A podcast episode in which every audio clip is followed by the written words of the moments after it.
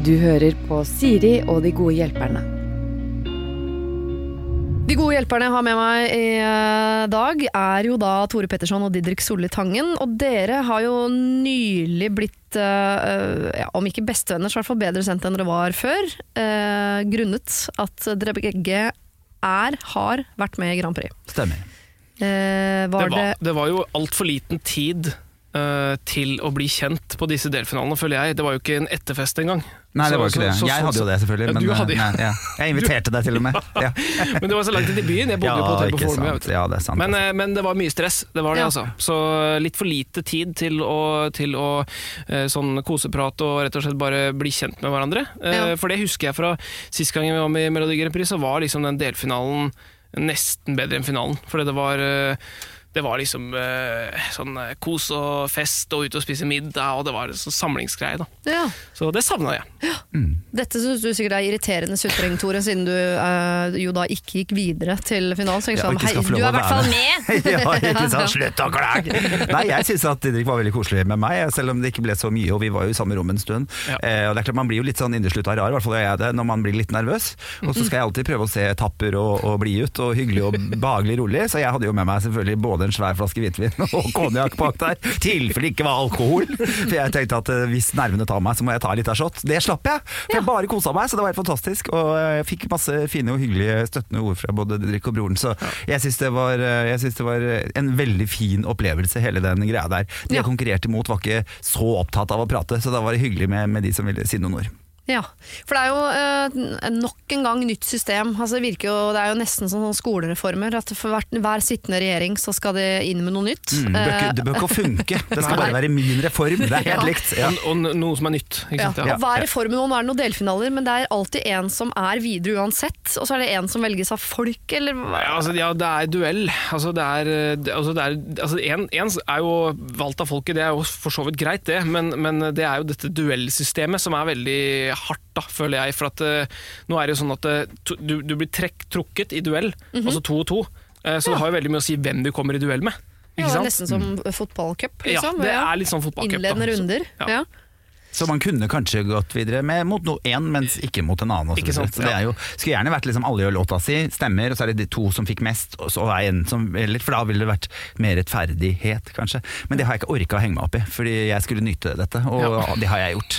Ja, så, Så kunne du det fort ha hørtes litt ut som danskene i håndball-VM. ja. Som sutrer og klager på systemet, liksom. Ja. Og jeg har jo etter Farmen ikke turt å sutre igjen noe setting, så jeg vil ikke, jeg vil ikke ha på meg, for jeg er ikke sutrete. Nei. Så da kommer jeg ikke til å være det nå heller. Nei. Nei, Nei, så begge er happy. jeg er dritglad. Ja, og Og- eh, de, de, bare for å få, Jeg har fortsatt ikke skjønt det, men for du gikk jo videre til finalen uten engang å ha spilt kamp, liksom, Ja, i Grand Prix. altså, for å forklare det, da, så er det jo sånn at eh, vi, eh, vi, ble, vi er da forhåndskvalifisert av en jury, mens det er det eneste denne Fordi det har alltid vært jury i Melodi Grand Prix. Ja. Sånn at eh, Når du kommer til finalen, så har eh, juryen hatt 50% av stemmene å si, og så Ja. har telefonstemmene hatt halvparten. Men nå er det sånn at eh, juryen har sagt sitt da, med forhåndskvalifiseringen. Ja. Så et, altså, i finalen så har ikke juryen noe å si, da. Det er poenget. Det er bare, folket bestemmer, og nå har, jo Norge, nå har vi gjort det sånn at uh, du må inn på nrk.no. Du, du har tre stemmer bare per person, Mm. så du kan ikke sitte og bruke 60 000 kroner på favorittlåta di.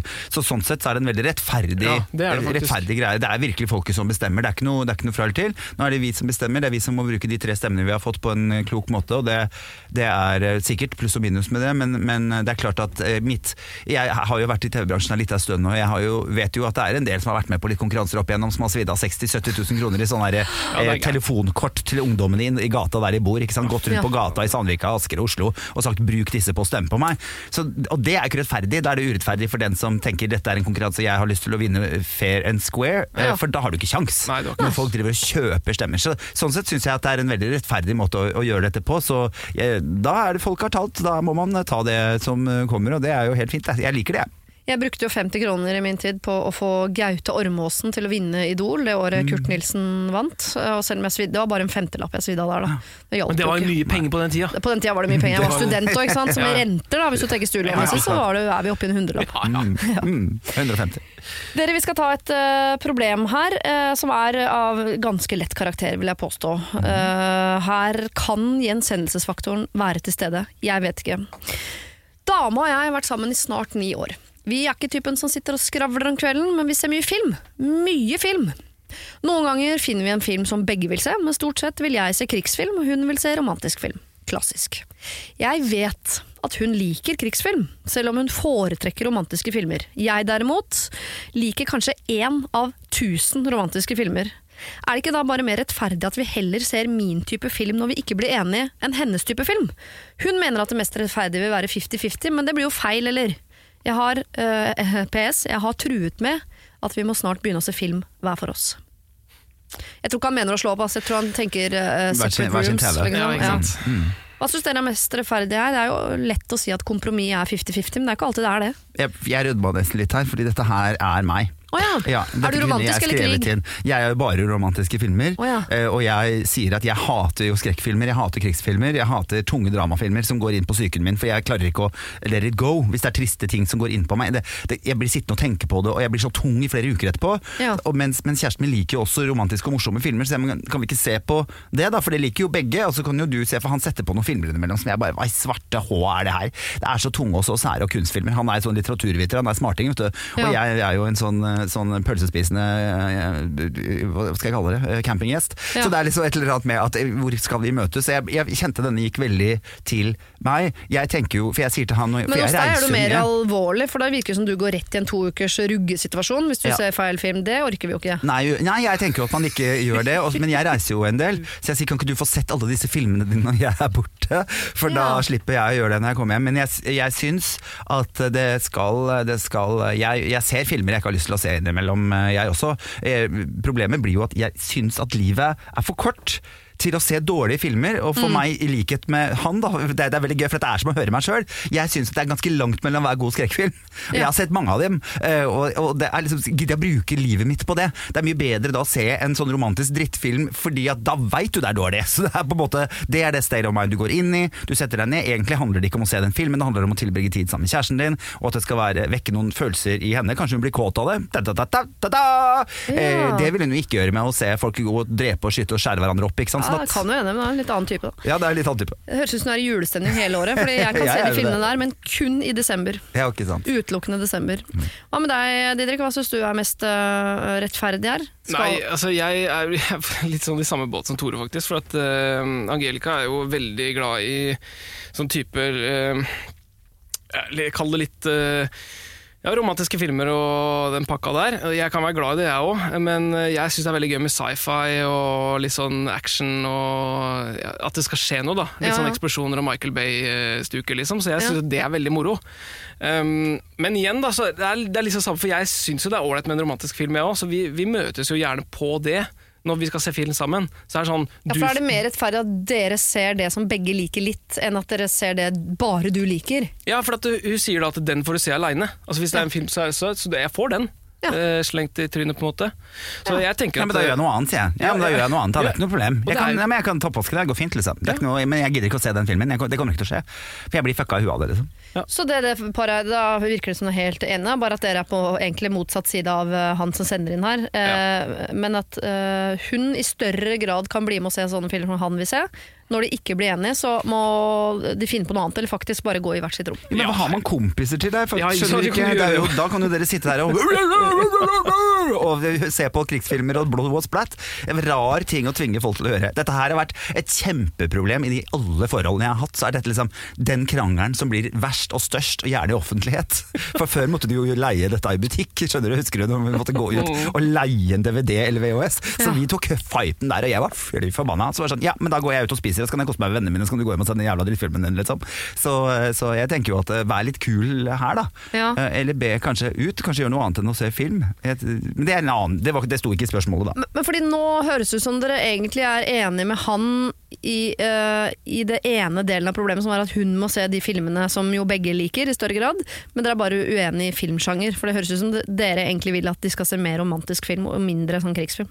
Eh, ja, jeg, nei, jeg tror ikke ja. Didrik Du er, liker jo krigsfilm. Jo, jo, jo, jeg liker det, men jeg, jeg tenker at, det- jeg tenker at kompromisset altså at de ser, Hvis de skal se, se film sammen, Ja. så tenker jeg se kjærlighetsfilmer. Se noe begge liker. Ja. Enkelt og greit. Og så får han se filmer aleine som han har lyst til å se, og så får hun se filmer alene som hun har mest lyst til å se. Han, og han trenger jo ikke å være med og se film hver kveld. Nei. Men for da blir kompromisset her at eh, hvis de skal se filmer sammen, Ja. så må de se eh, krigsfilmer, for det liker begge to. Mm. Hvis hun skal se de der romantiske filmene sine, så får hun gjøre det aleine. Eller sammen med venninner eller noe. Venninner, Ja, ikke sant, så utrolig koselig. Kjøp inn en iskremboks og være amerikaner, og så sitter dere og føler. Og så er det, ikke det, sto, det er ikke det største offeret å på en måte ta en sånn romantisk filmkveld med dama heller. da tenker jeg. Det er liksom sånn, det kan du gjøre en gang iblant. Ja, i hvert fall i deg jula, sammen. tenker jeg. Ja. Ja. Eller jeg ville gått all in i jula, sett en eh, 20-30 romantiske filmer der og satt fri resten av året. Mm. Ikke sant? Ja. Men, men jeg tenker jo at uh, mitt, største mareritt er å ha akkurat dette problemet. Vi har vært sammen i ni år, vi sitter bare og ser på film. Altså, det er, Det er et problem, der er et kjempestort problem for meg. Ikke bli de folka som sitter og promper ved siden av hverandre i sofaen. Liksom. Gjør noe, finn på et eller Mm. annet, for da, er man, da slipper man å forholde seg til disse. Og da blir det sånn at når du ikke, ikke ser film så ofte, Mm. så er man litt mer tøyelig på hva man ser på. Ikke sant? For da er man jo interessert i at begge skal synes at det er hyggelig, og at begge skal ha det hyggelig. Jeg Mm. skjønner ikke at en person kan sitte og kose seg med en film når de vet at den personen ved siden av hater det de sitter og ser på. Det syns jeg er et rart spørsmål hvis du elsker dette mennesket. Dette skjer innimellom, at jeg kommer på uh, nye kinesiske ordtak som jeg syns burde finnes. Vil dere høre? Mhm. Før det blir krigsfilm på hjemmebane, gå ut og lag deres egen romantikk. Hæ? Oi, oi, oi, oi, oi. Ja, ja, Dette ja, er bra. ja, ja. Dette er veldig Ja, bra. det er veldig bra. Vi uh, stopper det der og går videre før uh, Vi må ikke ødelegge det. Eh, nytt problem. Hei, uh, Siri og de gode hjelperne. Jeg er en jente på 21 år som bor på en liten plass. Jeg har vært sammen med kjæresten min, dere kan kalle han for Martin, i fire år. Vi har hatt det veldig bra sammen og har ikke noen store problemer. Men det er ett problem jeg tenker mye over. Martin har nemlig en søster som er to år større enn meg, som uh, vil uh, si at vi er i felles vennegjeng. Hun er ekstremt frekk og spydig, både mot meg og mine venninner. Jeg har tenkt mye over hva jeg kan gjøre for å gjøre det bedre, ved å f.eks. gi henne komplimenter og være hyggelig mot henne, men det hjelper ikke. Jeg har også pratet med Martin, kjæresten min, om dette, men han sier at hun bare er sånn. Han har også rast ut mot henne en gang tidligere, noe som ikke hjalp. Jeg vil jo nå ikke dra på besøk til familien hans lenger, da søsteren eh, forteller alt til moren deres, som igjen går utover hennes måte å være mot meg. Jeg har tenkt flere ganger at jeg ikke klarer mer, om å bare gå fra hele Martin, men det er jo ikke det jeg ønsker. Samtidig tenker jeg at det er faktisk min framtidige svigerfamilie dette her, og det å ikke komme overens med verken mor eller søster til kjæresten min er jo ikke bra. Så hva kan jeg gjøre? Jeg trenger virkelig råd i denne situasjonen. Dere kan kalle meg for Emilie. Emilie og Martin er kjærester. Søstera til Martin er et hespetre. Hva, hva kan hun gjøre? Det er tungt. Ja, Det der er tungt. Og det er vanskelig. ja. Veldig vanskelig. For at eh, Hvis hun har på en måte prøvd å liksom vende den andre sida til altså jeg, jeg tenker jo jeg tenker jo konfrontasjon er det, altså er det beste. Altså her må man, måte, må man på en måte finne ut av hvorfor hun oppfører seg som hun gjør, hun søstera. Ja. Altså, hva er grunnen til at du til at du oppfører deg sånn mot meg. Så tenker jeg det, det er kanskje letteste utveien. da, Og så faktisk spørre hun hva er problemet ditt? Hva slags problemer har du med meg? Ja, ja. Eh, sånn at eh, du kanskje kan få et svar. da kan, jeg- Er det noe jeg kan gjøre eh, med det? Eh, for det er det helt sikkert. Ja. For Jeg bare tenker at jeg, jeg synes det hadde vært verre hvis det var sånn at denne søstera var sånn mot Emilie, men ikke andre, for da hadde det vært et eller annet der man kunne rydde opp i. Men det høres jo litt ut som Martin har helt rett når han sier sånn, hun bare er sånn, for hun er jo sånn mot alle.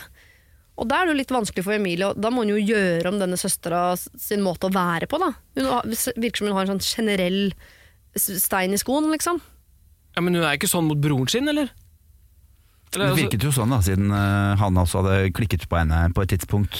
Ja, høres ut som en men, men sur kom- type, liksom. Men det kommer, altså, det kommer litt sånn derre Det kommer litt sånn Jeg tenker at det er, det er alltid en, en løsning på ting. Altså hvordan Det må være noen som hun søstera klikker med også, som, som på en måte hun henger med, da, som hun syns det er ålreit å være med. Ja. Som ikke hun er drittsekk mot. da. Ja. Så tenker jeg sånn, da må man, man må bare gå liksom bakveien. Hva, liksom, man må prøve å forstå. Da. Jeg tror det er, det er det som er viktig, er å prøve å forstå mennesket. Altså hun, hun søstera. Hvorfor oppfører hun seg som hun gjør? Og så på en måte finne Og man må gå en bakvei da gjennom en eller annen venninne av hun som Ja. hun kanskje liker. da Spørre liksom, har du liksom, jeg, jeg sliter veldig med å komme inn på hun Ja. liksom. Hvordan liksom hva er, altså, hvis, ikke, hvis ikke hun vil svare på det direkte. Søster. Og, og så må hun ikke gi opp øvrig familie. For jeg tenker, som du sier, Dette kan bli svigerfamilien din. Og du skal, hvis du er glad i denne Martin, så må du jo ved å ikke være sammen med svigerfamilien din, så har du på en måte latt denne eh, surheten til søstera eh, vinne hele situasjonen. Da. Det er jo dumt. Mm.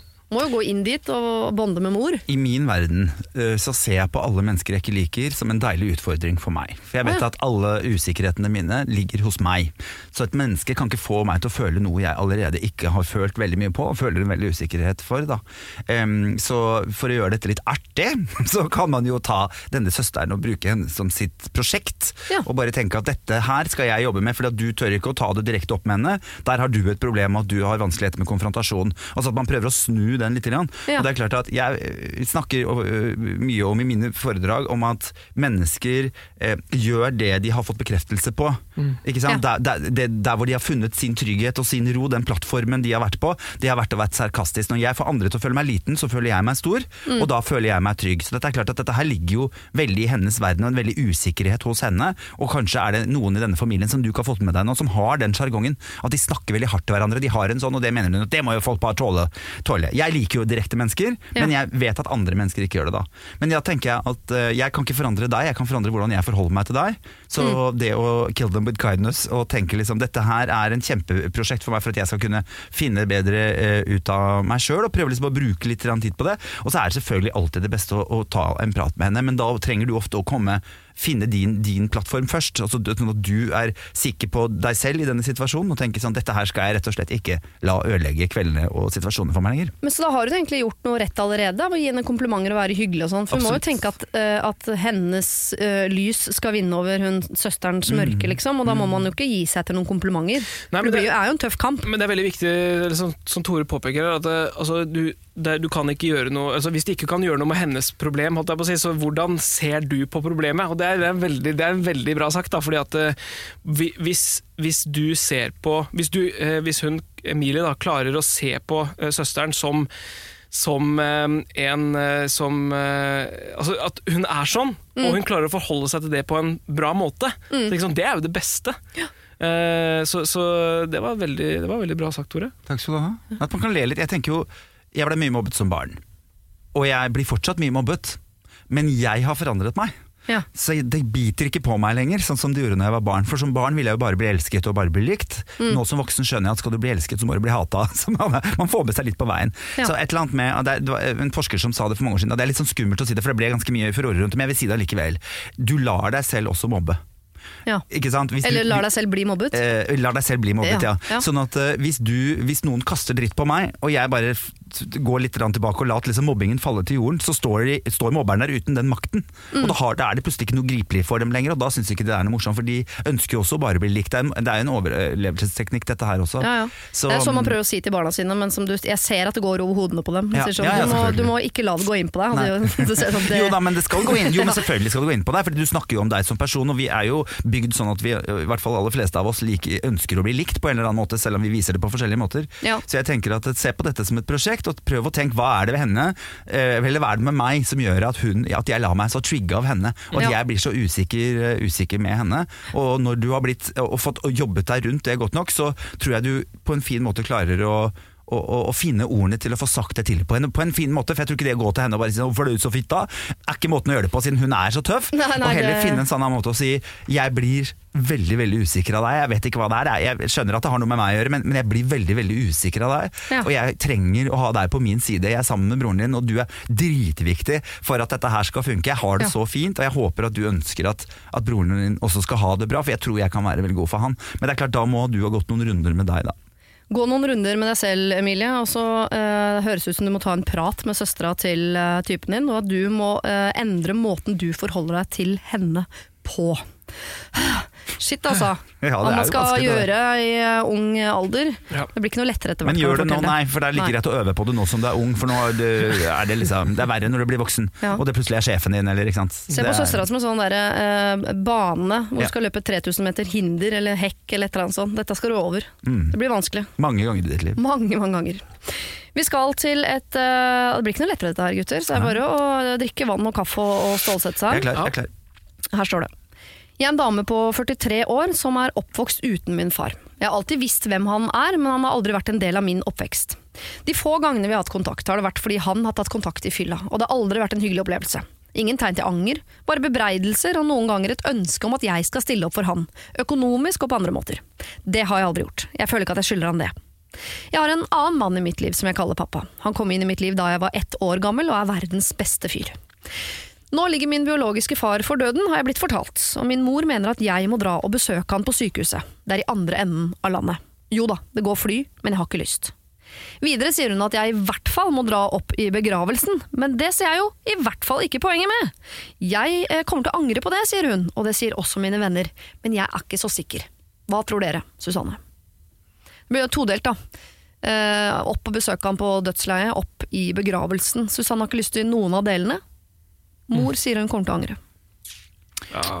Ja, det er i så fall en anger hun eh, skal leve med, tenker jeg. Jeg tenker at Hvis han ikke har stilt opp og bare kommer innom for å få noe av deg, eh, så må man slutte å tenke at blodet er tykkere enn vann, tenker jeg. Fordi det er bare, det er bare. Du har jo en pappa i livet ditt som du er glad i. Jeg synes det er veldig feil av din mor å pålegge deg dette, for din mor skal være din beskytter. Det burde hun ha vært hele livet. Mm. Det har hun forhåpentlig vært når du var barn, tenker jeg. At, hun, at, hun, at, du, hun, at du slapp å være sammen med faren din. Der har hun jo gjort noe som var fint. Fordi han var jo tydeligvis ikke en veldig fin person å ha rundt seg, så det er bra at du ble vernet litt av henne. Men det er klart hun har et ansvar for å verne deg for, for negative ting. Eh, Men hun gjør det nok av kindness of her heart, og hun tenker at jeg ville angret fordi jeg har et helt annet forhold til mine foreldre enn det du har. Men tror du ikke det er det hun skal- driver med nå også, da? At hun prøver å beskytte henne fra å skulle gå resten av sitt liv og angre på at hun ikke snakket med sin far før han døde? Nei, jeg, jeg, jeg ser ikke at det kan komme så veldig mye godt ut av dette hvis hun ikke har lyst. Jeg tenker at Nei, eh, Hvis hun ikke ligger. har noe, noe behov for å, å ha han i livet sitt, og han har aldri vært aldri stilt opp for henne, hvorfor skal hun stille opp for, eh, for han? Dette her er så vanlig problematikk, for det er mye Ja. drittfedre der ute. Absolutt. Eh, så, så dette her kunne man egentlig spurt hvem som helst om, for det er mange som har opplevd det. Eh, og de aller fleste av det hadde hatt det bedre hvis de hadde sluppet å ha noe med vedkommende å gjøre i det hele tatt. Fordi at den kontakten de har hatt er bare negativ. Ja. Så hvorfor du skal ha en avslutning på noe som aldri starta, forstår ikke jeg i hvert fall. Det er som du sier, veldig mange som har erfaring med dette, men jeg tror også uh, fra den siden av bordet, som jo har for så vidt det selv, så er også min erfaring at dette er vanskelig for folk som har et godt forhold til sin far å forstå. Og, og nå kjenner ikke jeg øh, dine familierelasjoner så godt, øh, Didrik, borte fra broren din.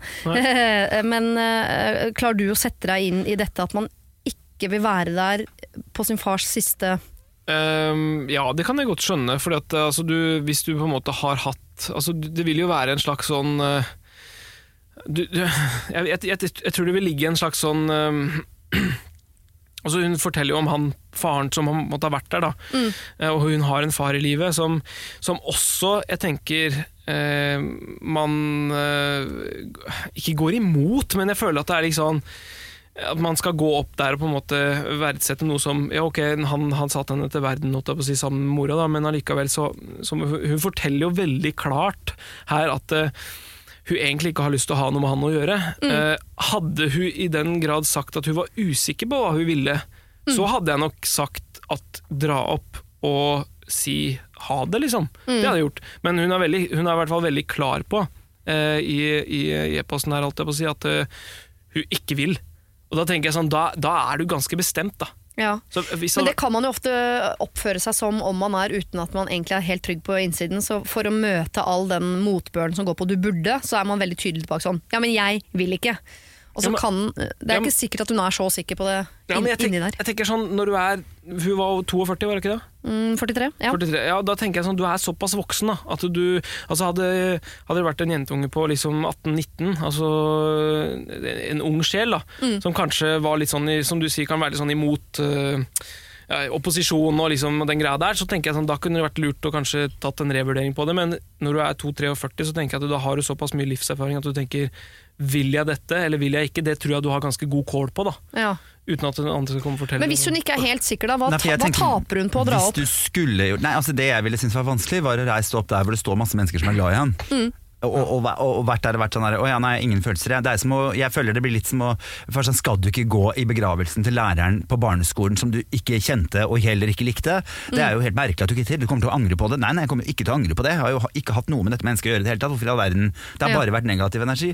Men det jeg tenker kunne vært eh, hvis, man skal, hvis jeg skal snu på det, da, eh, så tenker jeg at eh, det kunne vært godt for deg bare for din egen del, og, og, og gått opp og, og sett at pappa kanskje hadde noen fine sider.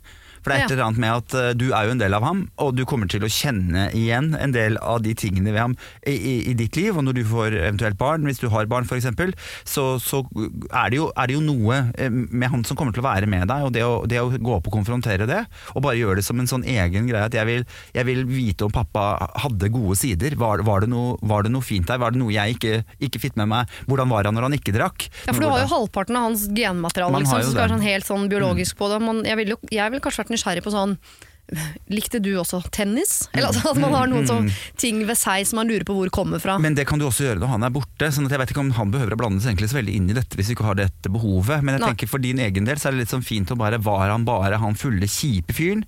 Eller fantes det noe godt i ham? For det finnes noe godt i alle. Og på en eller annen sånn rar måte så har vi liksom et behov for å vite de tingene, i hvert fall når det har noe med deg selv å, å gjøre. Men Ja. ikke la folk Bare sett deg ned og si men jeg har virkelig ikke et behov for dette. Respekter at jeg ikke har et behov for dette. Mm. Han har ikke vært en positiv energi i livet mitt, og derfor så har jeg heller ikke noe eh, behov for å sende han, sende han ned. Bare så det er sagt, så eh, jeg, jeg ville ikke ha dratt opp verken på dødsleiet eller i begravelsen, tror jeg, eh, hvis jeg kjenner på det for min egen del. Men hva hvis far tar kontakt og sier 'jeg vil gjerne at du kommer opp en siste tur før jeg dør'? Så jeg skal stille opp for deg nå, så skal ikke du gjøre noen ting på de 43 årene jeg har levd? Ja, det er jo det. Det er jo det de ber om. Det er det han ber om, da. Eh, Ja, nei, også, Det er aldri for seint. ja, det, er noe som- det er veldig klisjé, altså, men jeg liker det veldig godt allikevel. Det er aldri for seint å få en god, god barndom.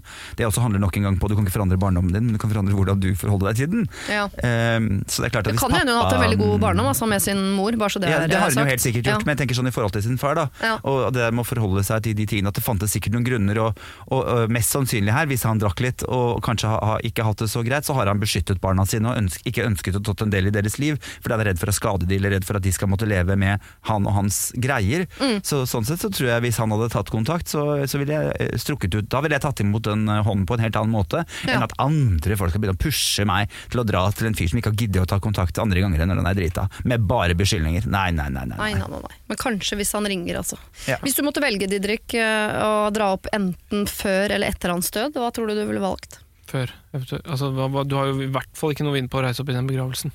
Nei.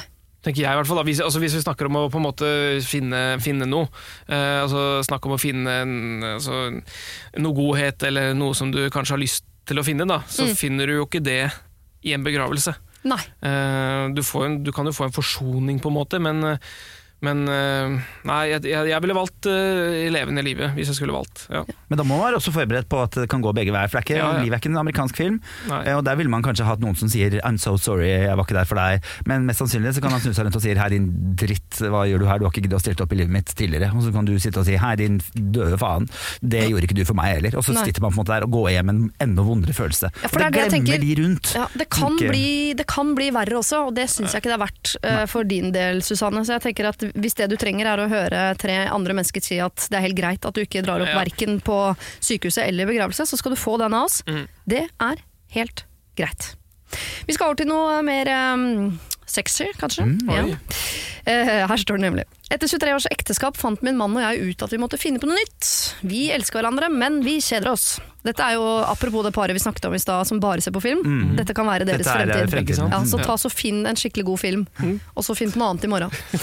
Eh, vi har snakket om alt fra padling til swingers. Endte til slutt opp med å prøve trekant. Mitt forslag var det også. Og det var jo kjempespennende, det. Ut på jakt sammen, plutselig ble det gøy å dra på byen igjen, pynte seg, by seg fram.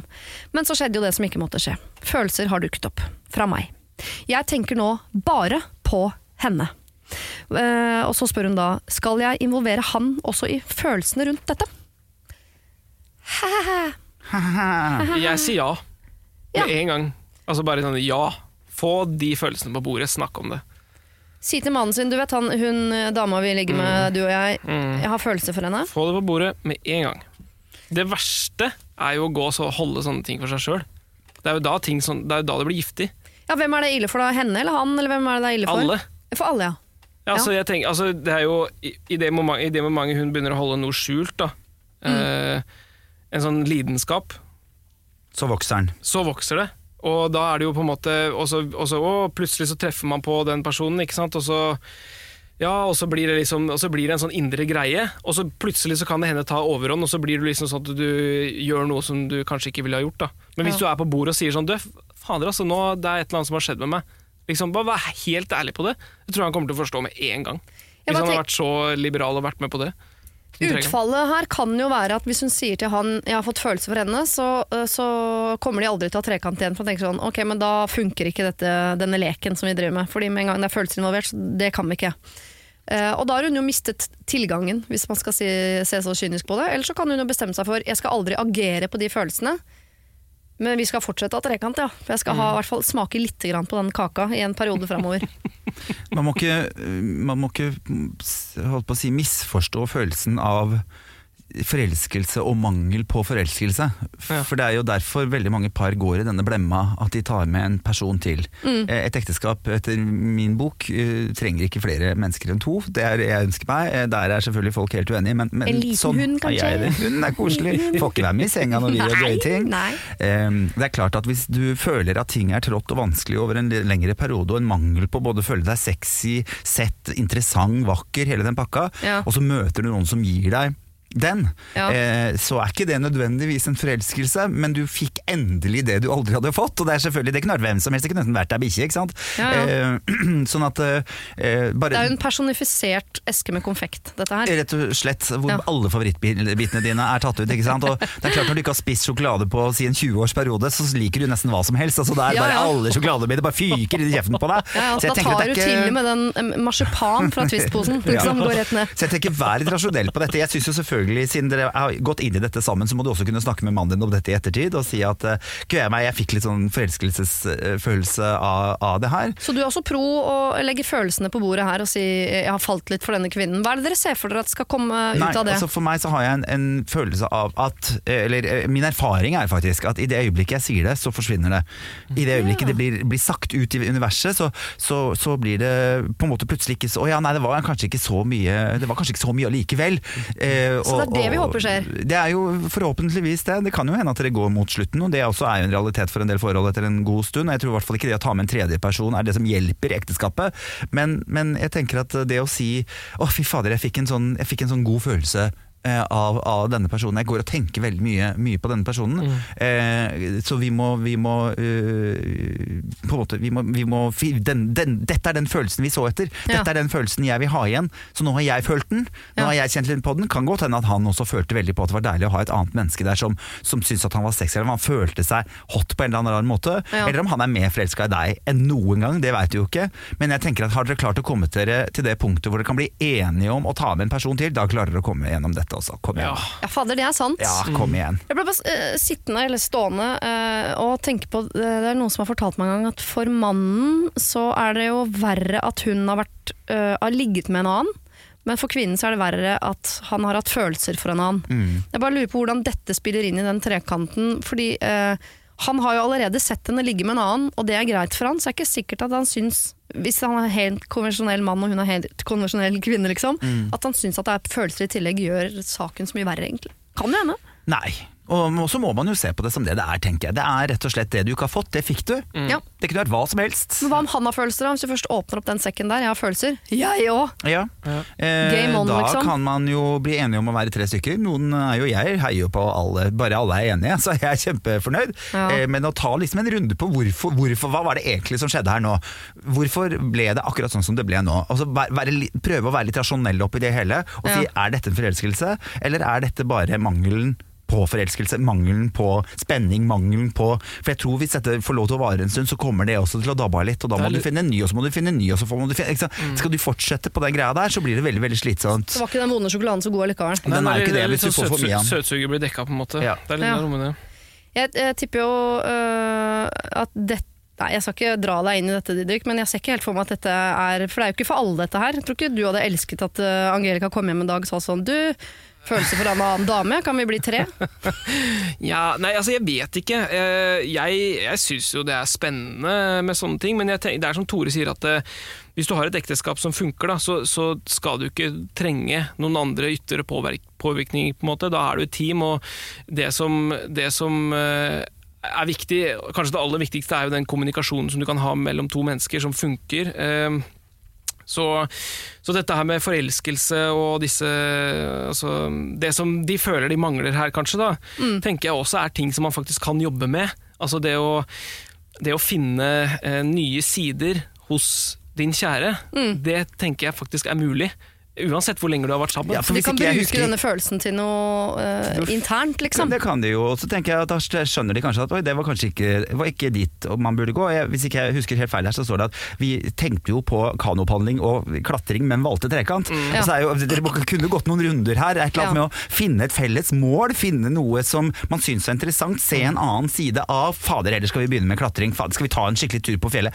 Det, det, det går jo an å gjøre andre ting som setter i gang rushet, for å kjenne at man lever litt før man begynner å putte kukken i noe annet. Altså det, jeg Ja. tenker at, at jeg syns det gikk litt sånn litt fort til det som man egentlig savner eh, litt av. Det var jo å være singel på byen. Altså, det var jo egentlig det dere hadde lyst til. Ja. Det handler egentlig ikke så veldig mye om forholdet, det handler om at dere var kåt på den andre. Eh, og det er klart det åpner vanskelige dører. Jeg ville unngått det, men gjør som dere vil. Men ta den fjellturen også, så kanskje dere får tilfredsstilt det. Og funnet tilbake til hverandre. Det kan nok hende her at dere blir sittende og angre på at ikke dere bare valgte padling framfor trekant. Det kan godt hende. Men eh, det syns det høres ut som både Didrik eh, og Tore her mener at dette her er også noe du må kommunisere med din mann om. Hvis dere klarer å komme fram til at dere skal ligge med andre mennesker, så må dere også kunne klare å snakke om følelsene som dukker opp i kjølvannet av det. Jeg hadde aldri turt å ta den samtalen, men jeg ville heller aldri turt å begi meg ut på en trekant, så jeg er feil person å spørre. Trer til siden, og lar altså Didrik og Tore få siste ord her. Ekspertene. Dette, ja, ekspertene. Dette må du fortelle din mann. Har du problemer selv, send dem inn til siri at radionorge.no. Vi skal ta tak i et problem fra en som potensielt kan bli en ordentlig forferdelig sønn. Hvis ikke dette problemet deales med her og nå. Her står det. Hjelp, jeg er forelsket i min samboers sønn. Jeg er en dame på 49 som er i et relativt nytt samboerforhold. Min kjæreste er 57 og har en sønn på 35, med sin første kone. Problemet mitt er at jeg er hodestups forelsket i sønnen til samboeren min, og jeg føler at han liker meg også. Han er ofte på besøk, og det skjer stadig at vi blir sittende oppe og dele en flaske vin etter at samboeren har lagt seg. Jeg tenker på han hele tiden. I februar skal min samboer bort i to uker, og da har sønnen sagt at han skal holde meg med selskap. Jeg er redd jeg ikke klarer å holde meg unna. Hjelp! Hva skal jeg gjøre? Er jeg sammen med feil mann? Ja. Neste! Nei da. Her er lov å utdype. Ja. Her er, dette er vondt. Ja. Ja, men jeg sier ikke at dette ikke Det kan godt hende at dette er vanlig. Hun har jo funnet en mann hun liker, og så har hun funnet en versjon av han som er 20 år yngre. Ja. Ja, Det er jo rett og slett det som har skjedd, Ja. faktisk. Det slår meg at det er eh, Jeg driver og leser Regalias døtter om dagen. Um, hvis du har lest den. Hvis ikke har du gjort det, så må Jeg du leser gjøre bare det. Jo Nesbø. Så, Ja, ikke sant? Nei, men ja. du bør gjøre det. Den Ja. handler om at de har snudd uh, Gerd Brantenberg har snudd hele samfunnet, hvor det er kvinnene som er mennene. Det er de som er direktører, det er de som er fiskere, det er de som er går ut og gjør ting, mens mennene sitter hjemme og strikker og lager mat. Ja, det er jo litt Um, sånn veien vi går nå. Ja, ja. Og, men jeg synes det er litt sånn morsomt det der med at uh, det er liksom kvinnene som hele tiden skal prøve å se unge ut. Mens det er mennene som eh, på en måte blir mest slaskete. Og jeg tenker jo at her har hun jo funnet en fyr som er liksom, kanskje, kanskje da, det vet vi jo ikke, men Nei, nei. litt sånn lik den mannen hun har funnet seg. Men som har den der litt sånn spenningen og ikke er blitt den der satte, kjedelige, kjipe mannen, liksom. Ja, men det er en viril utgave En med viril eh, fortsatt utgave. litt sånn eh, strekk, altså litt sånn eh, spretten hud. Mm, ikke sant, ikke sant. Så jeg, jeg, jeg tenker jo at hun har bare funnet noe som er litt mer, litt mer spennende. Og så er det klart, det er, helt, det er jo skikkelig ulovlig. Herregud, så ulovlig. Ja, for dette er ulovlig. Dette er ulovlig, altså. Det her er ikke innafor på noen som helst Nei. måte. Eh, som det er feil, sammen med feil mann, ja det vil jeg jo si. De burde jo, og, det, og der er det sånn, fordi jeg har jo en kjæreste som er 13 år yngre enn meg, alle er sånn Å, han er mye yngre enn meg. Nei, det er han ikke, liksom. For om ti år så er vi jo jevngamle, holdt jeg på å si. Altså, jo eldre du blir, jo mindre blir den forskjellen, da. Eh, og jeg syns jo det er deilig å ha en kjæreste som jeg kan Nå skal vi kjøpe vår første eh, leilighet sammen, begge to, Ja. for ingen har gjort det før. Eh, Vi skal på første sånn kjærestetur, fin, en del sånne ting som At jeg ikke fant meg en kjæreste som hadde gjort alt det før. For jeg er så Jeg syns livet er så spennende, jeg syns livet er så deilig, og så får man noe satt kjeller. Det er jo mitt største mareritt, å bli sånn som det paret vi har snakket om tidligere, som bare sitter og ser på Netflix etter ni år. Ja, Så men nå, før du går videre den Ja. veien der, Tore, for nå er du i ferd med å overtale denne kvinnen til, å gå for sønnen. Gå for sønnen, Det eneste ja. hun hører nå er ja, gå for sønnen. Nei, du kan ikke gå for sønnen. de to Nei, du kan ikke være hun. Du kan, Nei, ikke være kan hun. du kan finne en annen 35-åring, det kan Ja, du gjøre. Du kan det det du ikke gå for denne mannen. Nei, du, men du kan jo faktisk altså Hvis hun er så betatt av sønnen, Ja. så må hun faktisk gå fra alt. Ja. Tenker jeg da. Ja. Amen. Og da er det for bestandig, eller kan hun håpe at sånn om fem år, så kan jeg, hvis jeg treffer han tilfeldig på danskebåten, eller Nei, det, det er faktisk ikke lov. Aldri, aldri, aldri. Jeg syns ikke det. Altså. Nei, det er, det, er, det er et eller annet moralsk her som på en måte bare ikke, eh, ikke, det er, det er ikke det blir, Nå er det jo eh, på et eller annet rart vis, hvis man vrir verden eh, nok til å ønske å se det, eh, sønnen din. Ja, ja. på en måte. Ja, ja. Eh, og så det, det går ikke. Og jeg spør ikke fordi jeg er uenig, jeg, bare, jeg vet jo at det er jo mye som er ulovlig i eh, kjærlighet. Samtidig som hvis det er Hvis dette er La oss si at det fins den store kjærligheten, at det er den ene ene som er riktig sånn. La oss romantisere det, da. Tenk hvis dette er han på 35 og hun bare Dumt at ikke de traff hverandre først, fordi de to er perfekt match, og de kunne hatt det fantastisk sammen hele livet. De kunne elsket hverandre herfra og ut. Men tror du så går det ikke fordi bort? timingen gjorde at hun traff faren hans først på butikken. Tror du er ikke hun bare ville ledd han bort hvis han hadde kommet bort til henne på byen? Er hun 47, var det du sa? Eh, Ja, 49 til og med. 49 år, liksom. Ja. Han hadde kommet bort på byen, hun hadde sagt ha-ha-ha, lille søte deg, ja du er jo nydelig, det må jeg jo få lov å si, liksom. Men jeg, jeg, kunne vært mora di. Ja. Jeg kunne vært mora di, ikke sant. Eh, og så ville vi tulla, øh, ville tulla, tulla øh, det bort. Hadde vi vært indiske, hadde, kunne jeg vært mora di, var det en venninne av meg som sa det. Forferdelig slemt å si, Men- men, jeg lo veldig av når hun sa det. Eh, nei, dette er ikke greit. Men sa ikke du nettopp at det var 13 års forskjell på deg og kjæresten din? Altså, Jo. det er du også her på kvinne 49 og sønn 35. Er ikke det ganske nøyaktig 13 år, da? Jo da, men det er klart eh, i min setting er det jo litt eh, annerledes, eh, vil jeg si. Fordi jeg ville aldri skyflet eh, bort en 13 år yngre, men siden du har gått for en fem, over 50-åring, en, en voksen mann, så er det jo tydelig det du har vært ute og søkt etter. eh, og tatt bort litt sånn nei, 35 er for ungt, jeg kan ikke ha det på Tinder og sånn. Ja. Eh, så da er det jo klart at eh, med denne eh, dette er ulovlig, eh, dette, sant? den pakka, pakka der. Jo da, Noen Eh, liker jo både hund og katt, vet du. Ja, ja. Nei, jeg, jeg, jeg, alt inni meg skriker run, run, run away from this eh, situation. Det fins ikke et snev i noen av dere som tenker at det er lov å, å undersøke dette her lite grann. Nei, jeg tror du, da for, du kunne- kommer alltid til å forbli hun dama som altså, som, tok, altså, som var sammen med faren, men som tok sønnen. Altså, jeg tror det, det kommer alltid til å bli Ja, men så tenk, tenk på om det hadde vært venninna hennes, da. Sønnen til venninna hennes, liksom. Det er, bare, det er så mye moral her som egentlig Jeg er ikke så veldig opptatt av å være moraliserende på andres vegne, men kom igjen. Du hadde jo ikke gjort det fordi det bare er veldig, veldig merkelig å gjøre. Hun hadde gjort det, men hva hadde hun tenkt hvis venninnen hennes ble sammen med Ikke hennes? sønn? sant, for eksempel. Ja. Jeg tror du må Kanskje snu det du skal der. snu, ja, snu, det, snu det litt. Ja. Eller hvis han hadde blitt sammen med dattera hennes. Altså, det, er, det er noen greier her. Jeg syns likt skal være likt. Jeg. Men kan hun ikke fortsette å være sammen med han heller? Hun må bare gå for alt, slippe alt nå i hendene, og gå videre. Nei, da, noe så må hun i hvert fall ta noen terapi, terapitimer for å, for, å få bort, eh, for å få bort disse følelsene. For, for det er jo mest sannsynlig bare eh, ikke en forelskelse, dette er, det er jo bare tull. Det er jo, forelskelse er, kommer og går hele tida. Det, er jo, det, det er ikke en sånn konstant ting som varer evig. Dette er noe du er oppe i akkurat nå, Mm. eh, som, er, som tar på en måte hele livet ditt, hele hodet ditt, alle tankene dine.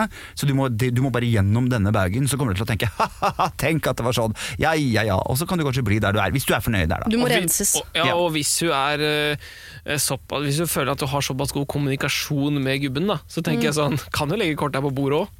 Å, helsiken. Tenk deg så gøy det hadde blitt, da! Det er en trekant som ikke kommer til å skje, Nei, for å si den det sånn. trekanten får vi nok ikke se. Eh, på spørsmålet er jeg sammen med feil mann, vanskelig å si. Men eh, om du skal utnytte de to ukene han er borte på å bli bedre kjent med sønnen, Nei. der får du dessverre et Nei. eh, soleklart nei fra alle. Alle trykker på den store X-en, og du går ikke videre til Oslo. Nei, ikke det. Eh, Så eh, beklager, men eh, her fikk du ikke medhold på å utforske den kjærligheten som kunne ha oppstått mellom deg og din stesønn. Vi skal over til et problem som er eh, at altså absolutt i nedre sjikt av sånn aldersmessig. Eh, jeg, jeg tror nok eh, eh, vi her også, i tillegg til å snakke til den jenta som bare er 14 år, så tror jeg vi også skal se på dette for, i forhold til hvordan vi kan hjelpe moren til denne jenta på 14 år, for at denne jenta på 14 år skal få det bedre. Hvis du skjønner. For det er større sjanse for at mødrene til denne 14-åringen hører på Radio Norge, enn at disse 14-åringene gjør det. Selv om akkurat hun gjør det, da. Mm, mm. Så bare ha to tanker i hodet. Jeg er en jente på 14, kall meg Elsa. Eh, dette er ikke et stort problem, men min tidligere venninne, kall henne Lea, har byttet stil. Før var vi veldig gode venner, vi var ganske barnslige, passet på en måte ganske godt sammen, men etter sommerferien, altså da vi starta i niende, så hadde hun bytta stil fullstendig. Hun begynte å gå i svarte klær, sånn typisk emo, og det er ikke noe, selvfølgelig ikke noe stort problem i seg selv det, men i tillegg så har hun begynt å ignorere meg helt. Før var hun veldig snill, liksom sa unnskyld for alt og sånn, men nå er hun skikkelig frekk mot folk. Hun oppførte seg dårlig mot meg, og jeg skjønner ikke hvorfor. Det virker som hun rett og slett er for kul for meg. Og hva skal jeg da gjøre? Skal jeg snakke med henne, eller skal jeg bare la henne leve sitt liv sånn som hun vil? Jeg føler meg veldig dårlig behandlet av henne. Og grunnen til at vi skal hjelpe Elsa, men også moren, fordi øh, jeg bare, selv har jo en datter som ikke er 14 ennå, men 7, som kom hjem i går og var kjempelei seg fordi venninnen hennes hadde vært på besøk hos en annen jente, og da, da hadde hennes verden den raste sammen fullstendig. Så det er noe med å være foreldre til barn som opplever noe som vi vet at det der kommer til å oppleve mange ganger. Eh, men så skal man jo allikevel ikke bagatellisere eller ignorere problemet, fordi der og da er det så vondt Mm. for barnet at man må ta det på alvor, uh, men samtidig ikke bli med på at eh, verden har gått til helvete. La oss gå av. Så uh, ja, hva skal vi si til Elsa og potensielt mødrene? Ja, det, altså det der er, er jo litt vanskelig, for at det er jo vanskelig å sette seg inn i den situasjonen. Uh, nå har jeg en sønn på snart tre, og han Altså, der er det å skru av TV-en uh, og måtte dra i barnehagen kan være verdens undergang. Ja. Ikke sant? Altså vi, og det, det er litt som du sier, altså det å kunne klare å uh, komme seg ned på det nivået og tenke liksom likt, er jo fryktelig vanskelig. Altså Hvordan skal vi kunne eh, altså, Men kan du ikke huske følelsen av det der vennesviket, at en god kompis av deg plutselig hadde fått seg en annen venn? Altså, Jo, selvfølgelig, og det er jo fryktelig vondt, men jeg tenker jo da at uh, hvis jeg skulle gitt et tips sånn på stående fot, så må det jo være å ta prat. Altså? Altså, det er din, faktisk din beste venn i dette tilfellet her. Hva, hva er grunnen eh, til det? Uh, og det kan hende du får slengt i trynet at, at det er et eller annet at, Det kan jo være noe negativt som får deg til å føle deg dårligere også, men det kan jo også være noe som gjør at dere finner ut av ting. Så det, altså det å ja, for det, Det kan jo- være hun sier sånn 'du er så barnslig, jeg orker ikke å være Men det kan også være sånn 'å ja, jeg føler at du sviktet meg fordi' Og så ligger det en Noe du gjorde for lenge, lenge siden, Ja. eksempel. Ja.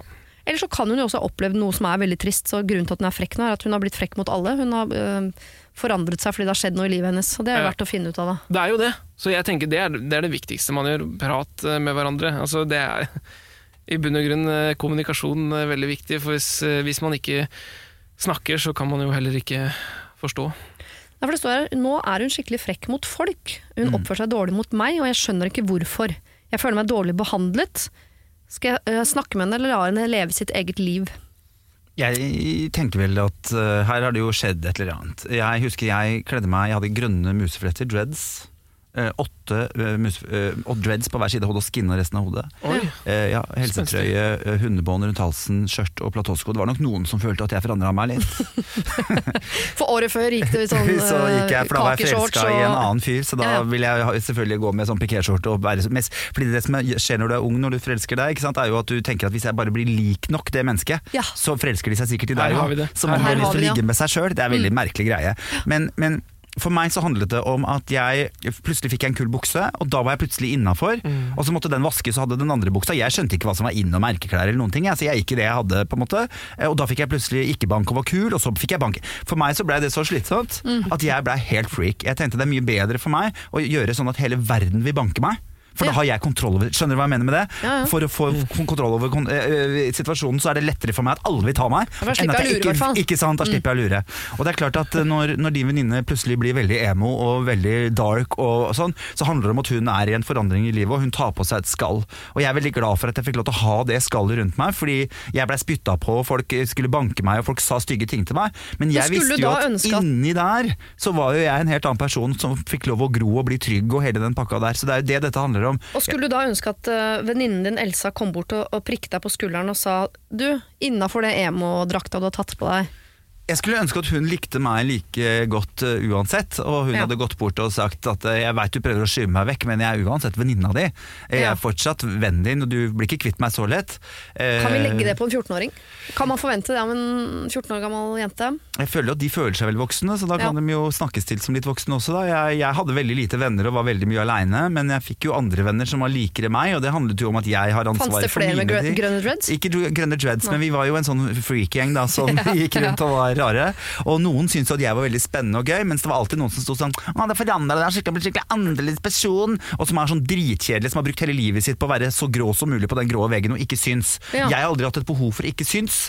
Ehm, jeg, hadde, jeg ønsket å synes, jeg ønsket å, å, å, være et menneske man la merke til. Og da mistet jeg selvfølgelig de vennene som himlet med øynene og syntes det var så teit at jeg blitt så lik de andre. Mm. Det med å finne seg selv handler egentlig ikke om å finne seg selv, det handler om å finne mennesker som er mest mulig lik deg sjøl, sånn at du kan bli som de. Eh, Ja, og det skal er- finne deg selv, skal finne de andre. Skal finne de andre. Eh, og, og sånn er det jo. Og det som var fint i mitt liv, er at jeg mistet veldig mange av disse vennene så fordi jeg blei så annerledes, men de kom jo tilbake igjen, for de visste jo hvem jeg var. Så la henne kanskje få lov til å, å være denne personen nå, men vær den venninnen som er der hvis hun trenger det, fordi hun kommer til å komme i situasjoner. Det er helt tydelig at hun går gjennom noe som er vanskelig nå. Så Ja. det å være den som i hvert fall ikke begynner å mobbe, i hvert fall ikke begynner å himle med øynene og bare 'du er skikkelig dust', men bare vær det der hyggelige smilet når hun, treng, det, øh, når hun trenger det.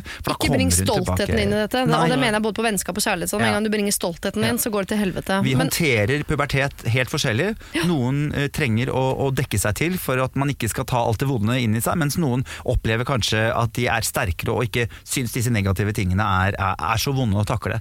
Og så er det jo en grunn til at uh, Didrik også reagerer på det der med ja, her er det noe, her er det noe, her er det noe, når du hørte forelskelse. For dette her, det har skjedd et eller annet i sommer. Mm. Og det, treng, det kan være at det er en gutt hun er forelsket i, som har nettopp sånne klær. Det kan Mm. være at hun har sett uh, Descendants 1, 2 og 3, hvor de har sånne klær. Det vil hun Mm. også. Kan han ha sett en musikkvideo, eller bare altså et eller annet som har skjedd i sommer, av enten god eller dårlig art, som har gjort at hun bare går hardt den retningen. Og det er jo ofte når man er uh, 14 at man gjør ikke noe sånn halvveis. Da går man all in på det, liksom. Så bare vær, du skal fortsette å være en god venn. Hvis du vil snakke med henne, så gjør du det. Det syns jeg er mye å forvente nå, fordi det er uh, men du skal ikke ta dritt, og du skal ikke få lov å være Nei, nei, frekk nei. med deg, så ta avstanden, tenker jeg. Men, men bare vit, vit litt om hvorfor dette her skjer. Mm. Det, er, det, er en, det er en periode i livet ditt hvor det skjer mange ting, og det gjør man helt forskjellig. Ja. Og, og hvis det er meningen, så kommer vennskapet deres til å samles igjen. Og ikke nødvendigvis om så veldig lang tid heller, men da må du stå åpen og ikke være såra personlighet fordi at ikke dere to er kliss like lenger. Og som jeg prøver å si til mine barn, at selv om uh, hun er en dårlig venn, så er ikke det en uh, god unnskyldning for deg til å også være en dårlig venn. Da har vi bare to dårlige venner istedenfor at vi har én. Vi skal over til et problem som ligger langt fram i tid for denne jenta. Uh, og her, Dette er liksom karrieremessig. Her står det. De si ti siste åra har min mann jobbet mye. Han har klatret på karrierestigen og opplevd mye gøy. Spennende utfordringer, kollegaer, reiser osv. I samme periode har vi fått tre barn, og jeg har vært mye hjemme med dem. Og jeg har elsket det, altså. Men nå begynner de å bli ganske store, og jeg er klar for større utfordringer på jobb igjen selv. Min mann og jeg eh, traff hverandre via jobb, så vi er i samme bransje. Og da jeg ble gravid, ble vi enige om at han kunne satse på jobben nå, men at en dag skulle det bli min tur. Jeg hadde store ambisjoner om hva jeg ville oppleve, se og gjøre. Og nå har jeg fått en vanvittig mulighet. Altså, denne jobben får man nesten aldri. Den er perfekt for meg. Den innebærer at vi må flytte til et annet land i tre år. Men mannen min nekter. Jeg vet at ungene hadde elsket det, og han kan helt fint finne noe å gjøre der, og jeg tipper til og med at han hadde fått permisjon fra jobben sin i dag. Men eh, han ville stått stille på stigen i disse tre årene, og ja, kanskje til og med måtte tatt et trinn ned. Men skylder ikke han meg det egentlig? Kan jeg tvinge en mann med meg til utlandet bare fordi han skylder meg det? Hva om han mistrives? Da går det utover alle. Det står ikke et eh, spørsmål her egentlig utover eh, Kan hun kreve at mannen ofrer dette for å bli med henne? Jeg syns det er dårlig hvis ikke han gubben blir med. For å Ja, være helt ærlig. Hvis, eh, de, hvis, de har blitt, eller hvis de har hatt den praten her før, og, og dette her er noe altså, altså, Jeg tenker sånn du, han, de, Hun snakker om karrierestig og sånn, så er det litt sånn Hva, hva er viktigst, på en måte? Tenker jeg da. Hva hva, er, hva er det viktigste?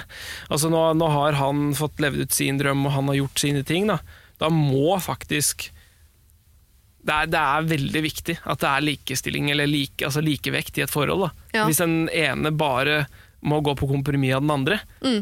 så vil det komme til et punkt hvor ting ikke fungerer. Altså, da, vil det, altså, da, vil jo, da vil det bli misnøye, ikke sant? Ja, det er det jo på en måte litt Ja, allerede. det er jo det. Er jo det. Og den eneste måten å rette opp det på, er jo faktisk at det er han som må ofre seg litt. Og, øh, men han har nok kanskje blitt litt bortskjemt. da. Hvis han har fått lov til å holde på nå i ti år, så har vel han blitt bortskjemt med at det er han som får klatre, og han som får oppleve, og han som får holde på. At det kan komme litt nesten i bardus på han sånn 'Å ja, så var det deg, ja'. Det hadde jeg glemt. Men er det ikke liksom greit å få en forandring altså, Jeg tenker sånn der, Få en forandring og gjøre noe altså, jeg, ja, er, Folk er forskjellige, da, men jeg hadde jo altså, hvis, hvis jeg hadde fått den muligheten da, nå, nå er jo jeg i en spesiell situasjon i forhold til at det hadde ikke vært så lett for meg å bare flytte til et annet land og ja, er det noen som liker meg her, da? Altså, det blir litt sånn vanskelig å starte på nytt, sånn sett, da, sånn karrieremessig for meg. Men, men hadde jeg drevet med liksom eh, Jeg kaller det et eller annet annet, da. Altså eiendomsmegling eller et eller annet sånt, som, du, som folk kjøper og selger ting og Overalt. leiligheter overalt. Ja.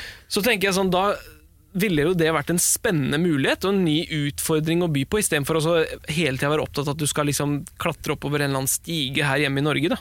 Ja. I hvert fall syns jeg det. Jeg er helt enig. Jeg tror nok øh, de fleste er enige om det.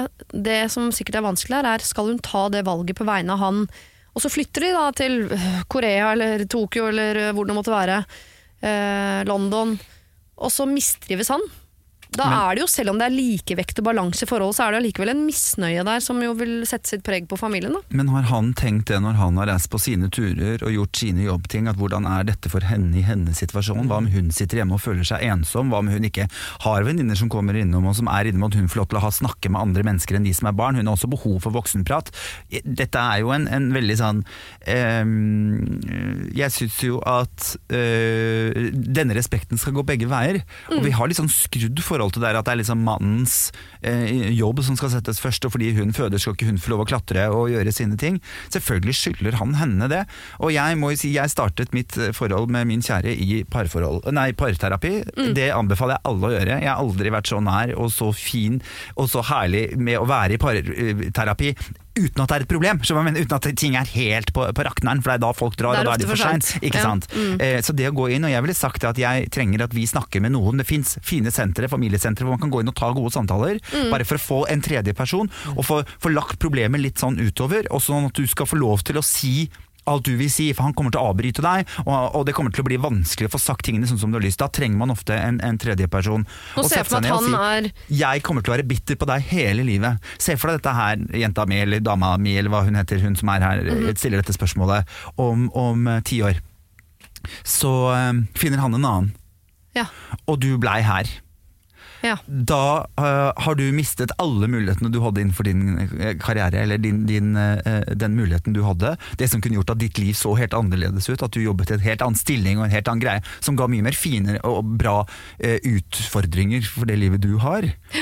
Og Og så så skal du sitte igjen med at jeg, ble, jeg, jeg sa nei til, jeg, til den jobben, fordi Ja. han syntes at det var vanskelig, for det var bare hans karriere. Og det, hvis du sier det til han på en god måte, så kan til og med han skjønne det. At du kan ikke nekte meg dette. Vi kan ikke få, vi kan ikke få dette forholdet til å fungere godt Mm. hvis ikke begge to er tilfredsstilt mentalt. Seksuelt er noe helt annet, men mentalt at begge har litt utfordringer og en følelse av at det er en grunn til at du skal stå opp om morgenen, at livet ditt har en verdi, og det må begge to enes om. Og hvis det drar ned, drar ned, da, og så viser det seg at han får det ikke til, han bare mistrives, han blir sur, Ja, han blir en dårlig pappa, land og sånn. rike. Han har da et ansvar for sitt eget liv og for sin egen greie. Han har klart seg gjennom alle disse. Han har klatret oppover. Hva er grunnen til at han ikke skal kunne klare det i utlandet? Det er ikke hennes problem. Han tenkte aldri på henne når hun satt hjemme alene med ungene. Hun må kunne stole på at han er et voksent menneske som sier 'dette kan jeg klare å få til'. Ja. Jeg, vi drar ned, vi prøver dette. Og hvis du trives, det går alltid an å snu.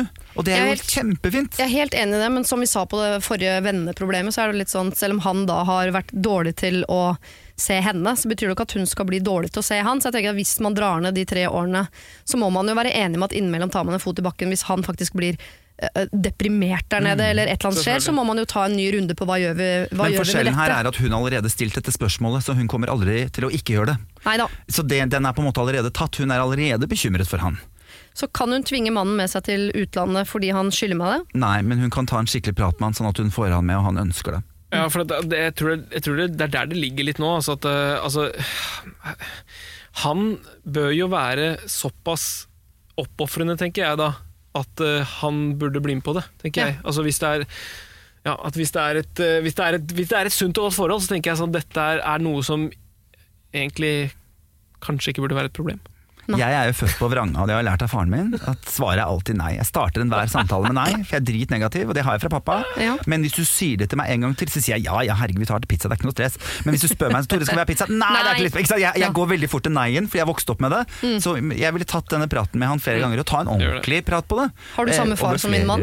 Det kan godt hende at min far har vært rundt omkring. Det er mulig. Det er mulig. Jeg tror dessverre det er veldig mange som har lært det fra sin. Og det har nok denne mannen her òg, en pappa som har lært at man starter alle samtaler med nei. Ja. Men, men, men snakk med ham flere ganger, fordi vi er rasjonelle, selv om vi, selv om vi bare trenger å få ut litt gørr først.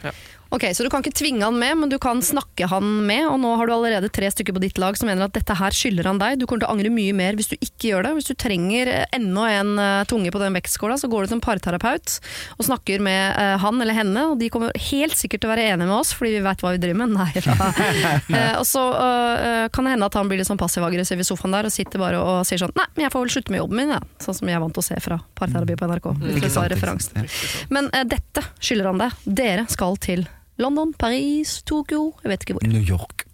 Siste problem er av pinlig art. Jeg har et så pinlig problem som jeg aldri har fortalt til noen før. Dette er utrolig vanskelig å spørre om råd, da jeg helt fra barndommen av har forsøkt å fortrenge det. Men nå trenger jeg desperat å høre andres tanker. Jeg oppdaget nemlig som veldig liten at det var litt sånn godt å gni seg der nede. Ja, nettopp ja, jeg skjønte ikke at det var onanering da. Jeg skjønte heller ikke at dette var noe man skulle tie om, men på et tidspunkt forsto jeg jo det, og siden har jeg skammet meg. Dette har ført til at jeg skammer meg over min egen seksualitet og har blitt ganske prippen. Samt forsøker jeg generelt å gjøre opp for min store skam ved å være så perfekt som overhodet mulig ellers i livet. Det er slitsomt. Dette har rett og slett formet meg som menneske, og til tross for at jeg har forsøkt å fortrenge det alle år, så innhenter alltid skammen meg. Spesielt ille er det i dagene før jeg skal møte familien min, altså foreldre og eldre søsken og sånn. Og jeg er alltid usikker på hvor mange andre voksne i min krets og i familiekretsen som fikk med seg dette, og som husker dette fra min barndom. I møte med dem er det aldri noen som henviser til det, men jeg er alltid litt redd for at noen skal huske det. Og jeg hater å se romantiske filmer for eksempel, med noen hjemmefra hvor de viser sexy scener. Da begynner jeg å svette og føle fysisk ubehag. Jeg har en fin kjæreste hvor alt er fint, men dette er en hemmelighet jeg vil gå i graven med. Det er ikke aktuelt å snakke ansikt til ansikt med noen om dette, samtidig merker jeg at jeg trenger å bearbeide skammen før den spiser meg opp. Jeg er sykt streng mot meg selv, og jeg begynner å innse hvor mye dette skyldes den skammen jeg alltid har båret på. Så hva skal jeg gjøre? Hjelp! Hilsen anonyme Astrid 24 er ikke meningen å fremstå som dum her. eh, men dette problemet har jeg litt problemer med å, forstå. Ja, egentlig, ja. Jo, men for, eh, fordi hun har jo gjort noe som alle gjør. Og jeg kan skjønne at man i en periode kan kjenne på en skam i forhold til det, men når man blir voksen, så vet man jo at det er noe alle gjør, og som man ikke skal skamme seg over. Så med mindre hun på en måte har stått foran familien i en alder av elleve og, jeg, jeg, jeg, Det det. men er sikkert, her er jeg sikkert naiv og har hatt en for god oppvekst eller et eller annet sånt. Jeg, bare, jeg, jeg skulle ønske jeg skjønte hvor den skammen kom fra. Jo, men det er sikkert det, da. At det kan være at hun, har fått noe, har fått noe påsnakk eh, som liten. Da. Jeg vet ikke. Altså det, for det, jeg føler at det er litt for lite informativt til at det skal, at vi skal kunne finne, som du sier, da, et problem. For det, det med onani er jo eh, veldig vanlig, tenker jeg. Altså helt fra man omtrent eh, kommer ut Altså guttungen var jo eh, Så fort han rakk ned til tissen, så har han eh, gnidd seg på den, liksom. Ja. Og syns at det er spennende. Så jeg tenker det er jo noe av det mest naturlige som, som skjer i livene våre. Og det er derfor jeg ikke skjønner hvor skammen dukker opp. Fordi jeg har jo vitterlig da Jeg husker jeg satt på stranda i forfjor hvor det kom bort en jente til meg som jeg kjenner litt, som satt på fanget mitt naken, for så liten var hun. Og satt utelukkende og pelte seg på tissen. Det syntes hun var spennende. Så tenkte sånn, ok, dette er litt rart. Mora satt bortafor og holdt på å lese her. Sånn, hun får her, Jeg skal ikke bringe noe skam inn i dette. Jeg sitter klin i ro og håper at hun på et eller annet tidspunkt ser en sjøstjerne eller noe annet som er gøy. Men at det skulle bringe noe skam videre i livet Jeg blir litt sånn trist av det. Jeg blir, litt trist av det problemet, for jeg skulle ønske det ikke fantes. Nei. nå ser jeg at uh, Mr. Fasit sitter der borte og venter på Nå må de være stille snart, for nå skal jeg si hva jeg mener. Nei, jeg kjenner meg igjen i dette. Og jeg er vokst opp i, i kanskje en tid uh, hvor man ikke tok seg selv på tissen. Det var et ikke-område. Uh, og jeg skjønte ganske tidlig at alt som har med det området, det må jeg gjøre alene. Så det bygde en skam for meg. Jeg har hatt veldig vanskeligheter med nakenhet og seksualitet. Jeg hadde jo da, Nå er jeg jo homofil i tillegg, da. um, så jeg husker jeg onanerte Alle våre karasjokk. Eh, nei, at jeg onanerte, og så tenkte jeg at jeg måtte, jeg måtte liksom rense tankene mine med, med fantasiene mine med å tenke på en jente etterpå. Og tenkte at neste gang skal jeg tenke på en jente. I neste gang skal jeg tenke på en jente. Så jeg bygde opp så mye skam, og vi får jo dette er jo et samfunnsproblem. Dette er jo det hele, alle, denne debatten med, med skamlepper og det der at kvinnen føler så mye skam for kroppen sin hele tiden at de er ekle. Bare det at dere får beskjed om at dere må ta bort hårene under armene, at dere er ekle hvis dere har hår på beina. Dere får fra dere er bitte små vite at dere er skikkelig ekle hvis ikke dere forandrer hele deres eksistens. Så det er klart at man går og føler på disse tingene, og jeg har hatt en kjempeskam for det. Og jeg, hjemme hos oss så snakka vi ikke om sex, og vi, det var ikke noe sånn at jeg følte at mamma og pappa ikke hadde en koselig hemmelighet som vi barna ikke Jeg har ikke, jeg har ikke noen minner om at det var en sånn seksualitet der som var noe som var bra og fint og vakkert. Så for meg tok det mange, mange, mange år før jeg sluttet å skamme meg når jeg onanerte, eller skammet meg når jeg hadde sex. Eh, og ofte er det jo sånn i pornobransjen at den homosexen man ser er sånn drøy, hardcore, crazy, skjønner du? Alt er bare, det er så skitna til. Mens Ja. for meg så var seksualitet noe som var så vakkert og så fint. Jeg forstår henne veldig godt. Jeg syns det er forferdelig synd at hun ikke klarer å rette opp i dette, for det er helt klart at du føler deg skitten og ekkel hele tiden pga. disse tankene. Og det er en tanke du er nødt til å ta tak i. Nå er jeg 40 år, og jeg går fortsatt og tenker litt på det. Eh, av og til, så, eh, men så vær litt flinkere enn meg og ta mer sånn aktivt tak i det. Dette er en prosess du kan gå gjennom sjøl, men onani er kjempevakkert. Sex er noe av det fineste du kan gjøre, og den deiligste følelsen vi har. Eh, og det må man bare ta som et mantra i hodet sitt hele tiden, tror jeg. Ja, Nyse er også ganske deilig, ass. Ja, ja det er sant. Ja. det er sant. Men eh, jeg, når du drar det opp på sånn samfunnsnivå, da er vi med, Didrik. Da skjønner jeg at dette er selvfølgelig et stort problem. Men jeg bare, eh, det, er, eh, det er noen ting her, det er akkurat som det er deler hun ikke forteller. fordi hun gruer seg til å besøke familien sin, for hun tenker at de også sitter og husker på da hun var liten jente og oppdaget sin egen. Ikke? Men da må du vite at øh, øh, hvis de i det hele tatt husker det, så husker de det sånn. Ja, husker du da hun var to år og satt på altså, jeg tror ing, Det er ingen andre som syns at det var noe grisete og ekkelt. Du, de tenkte at du var en naturlig liten unge som fant ut av de greiene der. Men de er ferdig jo, med det. Hun fikk jo i likhet med meg beskjed om at det var noe hun ikke skulle gjøre. Ja, i så fall, Hvis du har Så- fått den beskjeden hjemme, Ja. da skjønner jeg det i større grad. Og det sier hun jo, og hun har jo vært inni hun har hørt og fått inntrykk av at hun var superseksuell som barn. At hun var veldig eh, fingrete og veldig onanerende foran eh, menneskene som var rundt. Men du- det står det ingenting om. Jo, hun sier 'jeg er redd for å møte de, for jeg er redd for at dette er noe alle vet om og noe alle husker'. Hun er redd for at Hun noen er redd for ja, men Hun har ikke fått beskjed om det. Men hun har fått beskjed om at hun ikke skulle gjøre det fordi hun gjorde det mye. Ja, Og der har det satt seg en traume i huet Ja. hennes ikke sant? Ja. som gjør at hun føler at å ja, de har tatt på seg sjøl er skittent, jeg er et skittent menneske, du har skitne tanker hele tiden, ditt skitne dritthue. Sånn er vi jo når vi får beskjed om ting. Og det hører du en ting mange nok ganger, så tror du at du er det. Jeg skjønner, jeg skjønner deg kjempegodt, og jeg syns det er forferdelig vondt at mennesker fremdeles har det sånn, men dette er en kamp vi har kjempet kjempelenge. Dette er en kamp som hele tiden blir satt tilbake igjen, fordi at kvinner blir framstilt som horer i alle pornofilmer osv. At dere er bare sånne uh, egentlig filleryer som skal bare ligge der og hyle. Eh, all den der skammen man skal føle med, og alle de skriveriene om det ekle underlivet og fader, kvinner lukter vondt. Dette her er ting som mange, mange, mange mennesker går og føler veldig, veldig, veldig, veldig på, og det er utrolig trist. Men det her går det an å arbeide seg gjennom. Men det er litt den greia, når du ikke sier det til noen, så får du heller aldri beskjed om at dette er noe alle har gjort. Ok, men Da sier jeg det, nå. Dette er noe alle har gjort. Ja. Eh, og så er spørsmålet mitt videre eh, fordi i de fleste andre problemer som vi har tatt både i dag og i alle helger før dette, så sier vi sånn dette må snakkes om. Og jeg er enig at Dette kan godt snakkes om, men det er ikke noe sånn at vi sender ikke henne hjem til familien. for å snakke, Det er ikke noe vits å rippe opp og spørre familien husker dere da dette, altså, nei, nei, nei. Nei, her finnes det profesjonell hjelp som kan, som kan bearbeide dette med deg. Men holder det at hun snakker med kjæresten sin, for eksempel? At hun jobber med at vi, jeg og du skal i hvert fall sammen bli enige om at seksualitet er noe vakkert, alt ved meg er vakkert, alt skal på bordet, Mm. bokstavelig talt. Hvis hun klarer det, så. Ja, jøss navn. Jeg tenker det bør ligge Altså, det, det er igjen eh, Jeg kjenner meg litt igjen eh, hos deg, Siri, for at jeg, jeg har et så på en måte uanstrengt forhold til, til det, da. Ja.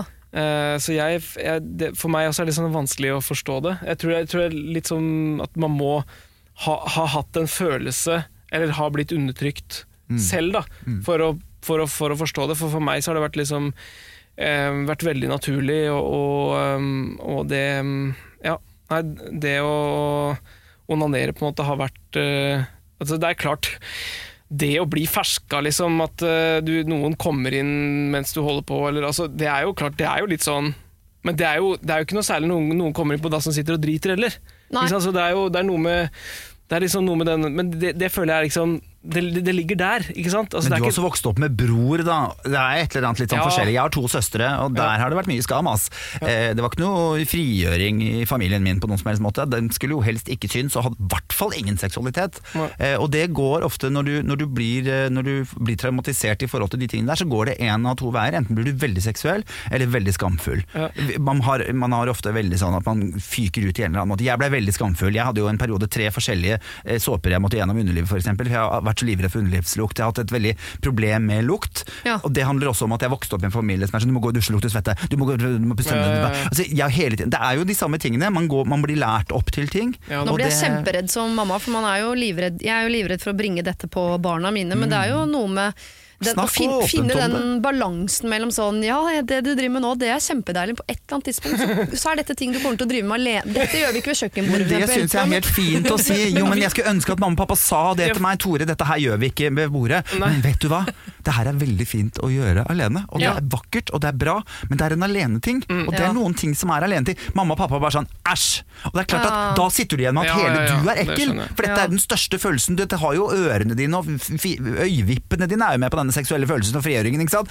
Og så skal du bli lokket inne og si æsj, ditt skitne, skitne menneske. Som du hører, for du trenger ikke å høre hele setningen. Nei, Når nei. noen sender et stygt blikk, så, øh, blikk Tenker du æsj, ja. så tenker man jo mye mer enn det ene blikket. Man tenker fy fader, du er ubrukelig, du kan ingenting, du, ikke sant? at du skal bli avslørt. Så jeg tenker at her er de, har de lagd en traume hos deg, og alle sånne traumer, de må prates om. De, du, du er nødt til å si det, du kommer ikke unna det.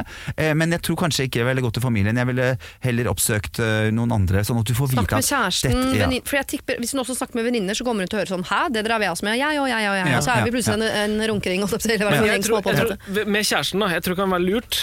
fall det syns jeg er liksom veldig sånn befriende. Det er å gå litt naken. Altså være nakne. Altså rett og slett, eh, For det, det gjør vi Vi gjør ikke mye hjemme, men uh, det er liksom det å på en måte Når du kommer ut av dusjen, da, så er det ikke sånn at det går an å slenge seg ned på sofaen uten å ta på seg noe klær. Du har ikke skinnsofa, skjønner jeg? Nei, ikke det.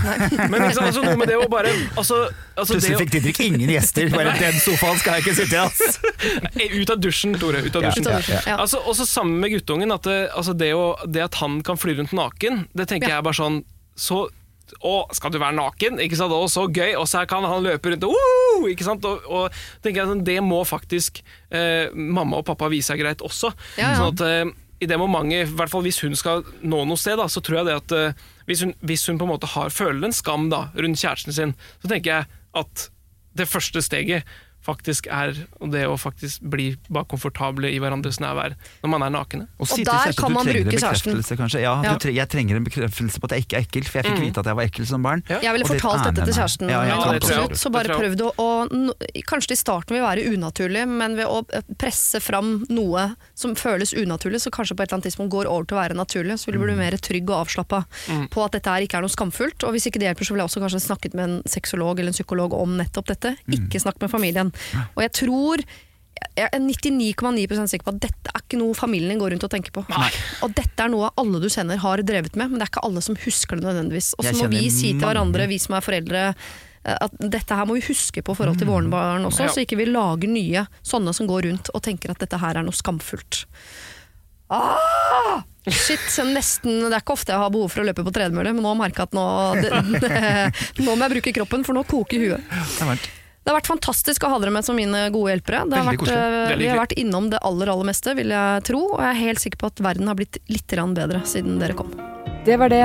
Husk å sende ditt problem til siri at radionorge.no om du vil ha hjelp. Denne podkasten er produsert av Rubicon for Bauer.